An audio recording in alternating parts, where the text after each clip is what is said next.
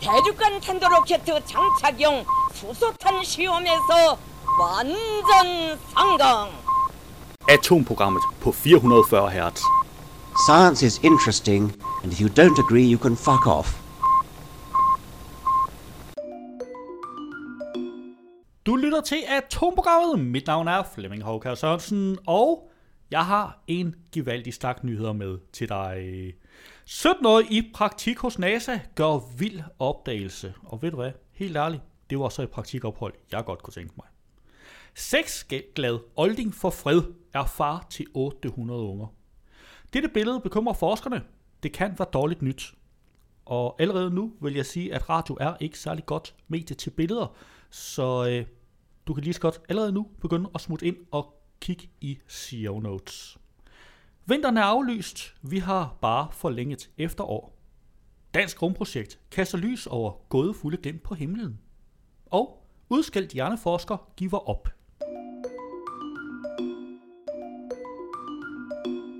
På Ekstrabladet har jeg fundet 17-årig i praktik hos NASA gør vild opdagelse. Wolf Schukier sigtede efter stjernerne og opdagede en ny stor planet. Det skete, mens den 17-årige dreng var i praktik hos NASA. Omkring tre dage ind i mit praktikforløb, så jeg et signal fra et system ved navn TOI 1338. Først troede jeg, at det var en stjerneformørkelse, men det viste sig at være en planet, siger Wolf Schukier.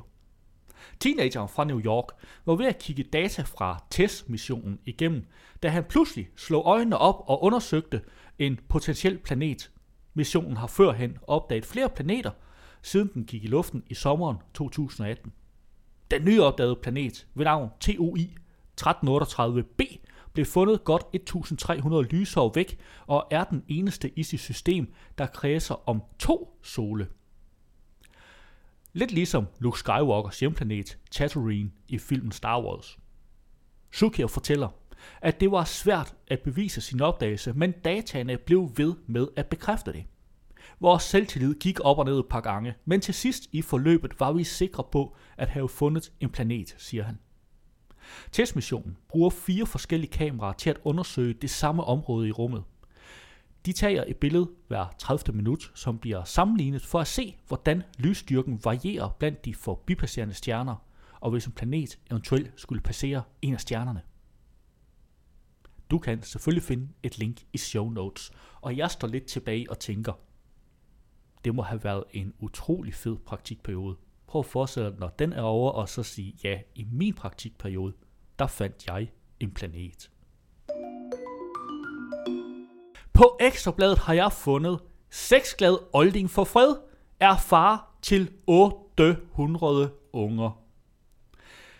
Kæmpeskildpadden Diego er en herre, der hele livet har været udstyret med en gevaldig lyst til sex. Selvom Diego er omkring 100 år gammel, er der åbenbart ingen grænser for de mange eskapader, han har været involveret i. Faktisk er han formentlig hovedårsagen til, at skildpadderassen ikke længere er ved at uddø på øen Española, der hører til Galapagosøerne. Ifølge eksperterne er den gamle bedårer far til omkring 800 skildpadder, hvilket svarer til omkring 40% af skildpaddebestanden på Española. Nu har Diego udspillet sin rolle. Han får snart lov til at tilbringe resten af sit liv i frihed på øen Espanola, der er en del af øgruppen. Skældpadden har ikke kun sikret affølgen på øen. Han er også en berejst herre. Det menes, at Diego for omkring 80 år siden blev fragtet fra Espanola til USA af en videnskabelig ekspedition. Her blev han anbragt i den zoologiske have i San Diego i Kalifornien. For 50 år siden var der imidlertid kun to mandlige og 12 kvindelige skildpadder tilbage på Espanola. Derfor blev Diego sammen med 13 andre skildpadder fløjet ind for at rette op på bestanden. Og det som sagt lykkedes over al forventning. Især Diego tog fat på projektet med en iver, som overraskede selv hærdede skildpaddeeksperter. Avlsarbejdet er sket på øen Santa Cruz, der også hører til Galapagosøerne. Diego er for øjeblikket i karantæne på Santa Cruz. Han slipper sløs på sin fødeø til marts. Vi er lykkelige over, at vi nu har mulighed for at sende skildpadden tilbage til hans oprindelige omgivelser, siger direktøren i Galapagos National Park. Du kan selvfølgelig finde et uh, link til artiklen i show notes. Og i artiklen, der kan du også se et billede af en omkring 100 år gammel herre, der er far til omkring 800 afkom. På BT har jeg fundet, dette billede bekymrer forskere. Det kan være dårligt nyt. Og nu er radio jo et exceptionelt dårligt medie til billeder, så jeg vil foreslå, at du smutter ind forbi show notes og klikker på linket. Så kommer du til artiklen, hvor billedet også kan ses. Buske, græs og mos gror og vokser nu på både Mount Everest og andre steder i Himalaya-området, hvor der ikke tidligere har været plantevækst. Og det bekymrer nu forskerne, da det kan have konsekvenser for området og for mennesker. Det er forskere fra Exeter University, der har studeret udviklingen i området ved blandt andet at gennemgå satellitdata over regionen fra 1993 til 2018. Helt præcis har de målt plantevæksten i bjergkædens højder fra der, hvor træer ikke længere vokser, og op til der, hvor der ligger sne, der er resultaterne af deres undersøgelser er siden blevet udgivet i tidsskriftet Global Change Biology. Det er dog endnu for tidligt at sige, hvad det helt præcis kan betyde for området, og hvilke konsekvenser det kan have. Vi ved ikke, hvad påvirkningen kan være. Det kan være, at planterne fanger sneen og måske får den til at smelte langsommere. Det kan være, at planterne får sneen til at smelte hurtigere, fortæller en af forskerne bag undersøgelsen, Karen Anderson, til CNN. 1,4 milliarder mennesker er ifølge CNN afhængige af det vand, der smelter og bliver opsamlet i regionen, og derfor kan ændringer i vandkredsløbet og mængder ramme samfundet i flere forskellige lande rundt omkring Himalaya. Det er dog endnu uvist, hvordan og om forøget plantevækst kan påvirke vandforsyningen. En undersøgelse af plantevæksten i Arktis har ifølge The Guardian vist, at det havde en opvarmende effekt på landskabet i nærheden, da planterne absorberede mere lys og opvarmede jorden. Det vil være dårligt nyt for Himalaya-området, forklarer Karen Anderson til det britiske medie. For det område, som de har undersøgt, altså området mellem trægrænsen og grænsen for den faste sne, er der, hvor den sæsonprægede sne lægger sig. Og hvis det bliver varmere der, vil den sne hurtigere kunne smelte, hvilket kan føre til en øget risiko for oversvømmelser. Det er dog langt fra sikkert, at det kommer til at ske. En anden undersøgelse, der blev lavet i Tibet, har nemlig vist nogenlunde det omvendte, forklarer Karen Anderson til The Guardian. Undersøgelsen viste, at det vand, som planterne indeholdt, fordampede gennem deres blade, hvilket førte til en nedkøling. Derfor mener hun, at det er nødvendigt med nærmere undersøgelse af området og plantevæksten. Vi ved ikke ret meget om dette område, og det er nødvendigt at rette opmærksomheden mod det, da det er en stor del af vandforsyningen i Himalaya, fortæller hun. Du kan selvfølgelig finde et link til hele artiklen, som nævnt i show notes, og der er også et billede af den uønskede plantevækst. På Berlingske har jeg fundet, vinteren er aflyst. Vi har bare forlænget efterår. Bliver dette vinteren uden vinter? Altså den første vinter i mands minde uden snemænd, is på søen og sneflokke, der kommer rimlende, mens bilerne kurer rundt og børnene skriger i kodhed, mens de vælter sig i det hvide pulver. Muligheden foreligger, eller skal vi sige, det ligner i stigende grad det sandsynlige scenarie. Jeg ved godt, at vi ikke engang er halvvejs i kalendervinteren, og at den meteorologiske vinter først slutter ved forårsjævndøgn 20. marts. Jeg er klar over, at der faldt en anelse tøsne på enkelte lokaliteter i det jyske i midten af december, og at der har været let nattefrost ved enkelte lejligheder. Jeg sigter i ikke til en smule lokal sjap, men til ægte sne samt til vedvarende og landsdækkende dagtemperaturer under frysepunktet. Det har vi endnu til gode, og der er umiddelbart intet vidt i prognosen. Blot mildt, blæsende og regnfuldt grovvejr. Tag bare DMI's månedsprognose udsendt 7. januar. Den indledes således. Været vil de kommende uger minde mere om efterårsvejr end vintervejr.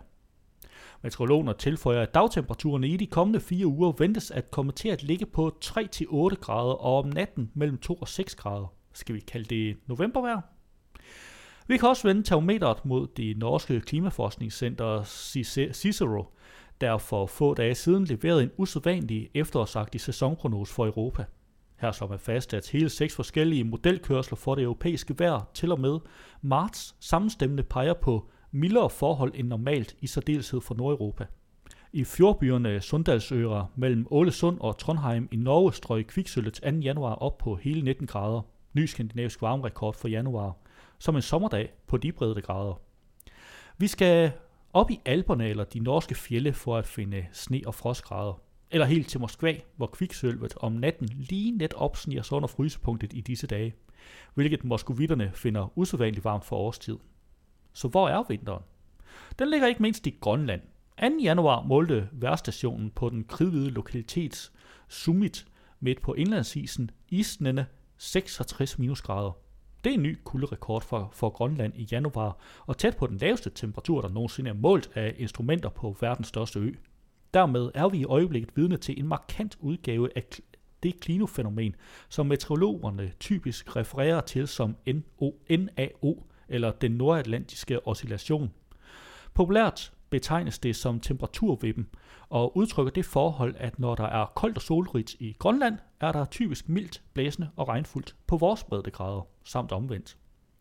Meteorologer bliver bedre og bedre til at forudsige den nordatlantiske oscillation, øh, bevægelser, og ifølge de modeller, øh, som norske Cicero, Cicero for at referere til ved NAO'en, for at blive positiv i de næste par måneder. Står det til trone, har vi en fastlåst vejrsituation på vores breddegrader af kloden, med vedvarende isende kulde i Grønland og det nordlige Kanada, og lige så vedvarende mildt og godt vejr i det nordlige Europa. På verdensplan var 2019 det næstvarmeste år, der er målt. Sølle 0,4 grader koldere end det hidtil varmest målte år, som var 2016. Samtidig fremgår det af Copernicus datasættet, at de fem varmeste år, der er registreret, er de fem seneste år, og 2010 til 2019 er det varmeste årti, der er målt globalt. Det indebærer alt sammen, at det forgangne år var i stedet mellem 1,1 og 1,2 grader varmere end middelniveauet ved begyndelsen af industrialderen.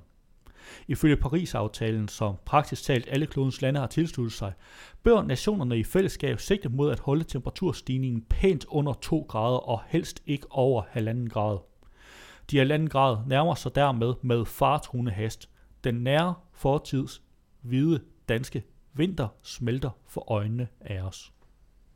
Du kan selvfølgelig finde et link til hele artiklen i CEO notes. Jeg fandt en interessant nyhed på både BT og på videnskab.dk. Øh, videnskab.dk har den længste af den. Jeg har taget BT's, fordi det er noget kortere og mere refererer videnskab.dk's nyhed.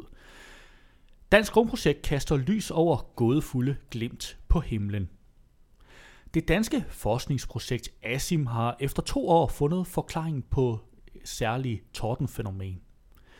De er så kortvarige, at de ikke kan ses med det blotte øje – og indtil nu har forklaringen på de energirige glimt, som opstår i tordenvejr, berådet på mystik blandt forskere. Nu har et dansk forskningsprojekt imidlertid fundet en forklaring på, hvordan de opstår. Fænomenet blev første gang opdaget i 1994, og siden da har det været et mysterium, hvor disse energirige glimt kommer fra. Nu peger vores målinger på, at de stammer fra spidsen af lynet, siger Thorsten Neubert, leder af det danske rumobservatorium ASIM, som står bag den nye opdagelse til videnskab.dk. De mystiske glimt er blandt forskerne kendt som jordiske gammaglimt, også kendt som TGF. De består af kortvarige udbrud af gammastråling, som er en meget energirig form for stråling. De jordiske gammaglimt adskiller sig fra en anden slags gammaglimt, kaldet GRD, som er korte øh, glimt, der kommer fra rummet. Lysglimtene derimod opstår i jordens egen atmosfære i forbindelse med tordenvejr.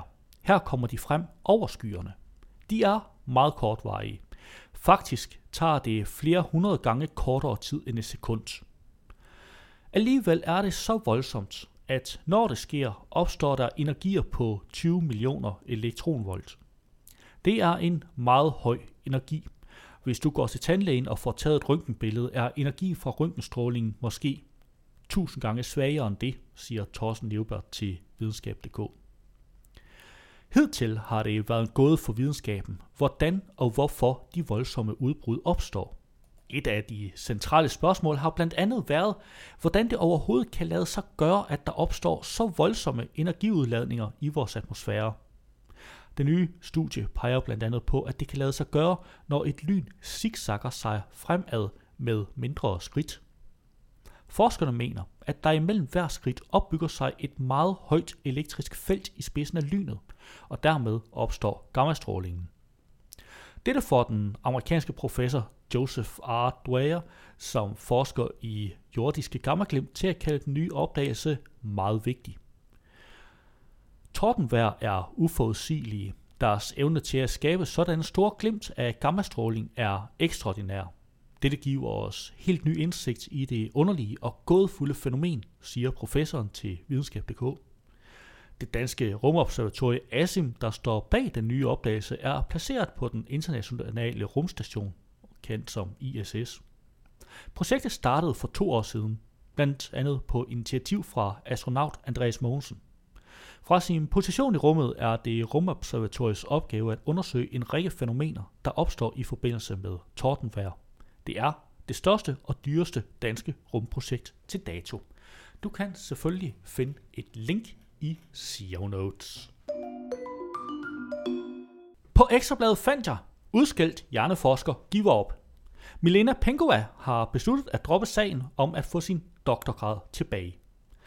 Den tidligere hjerneforsker Penkova opgiver at få den doktorgrad tilbage, som Akademisk Råd fratog hende i 2017. For et år siden blåstemplede Københavns Byret, at Akademisk Råd havde inddraget Penkovas doktorgrad.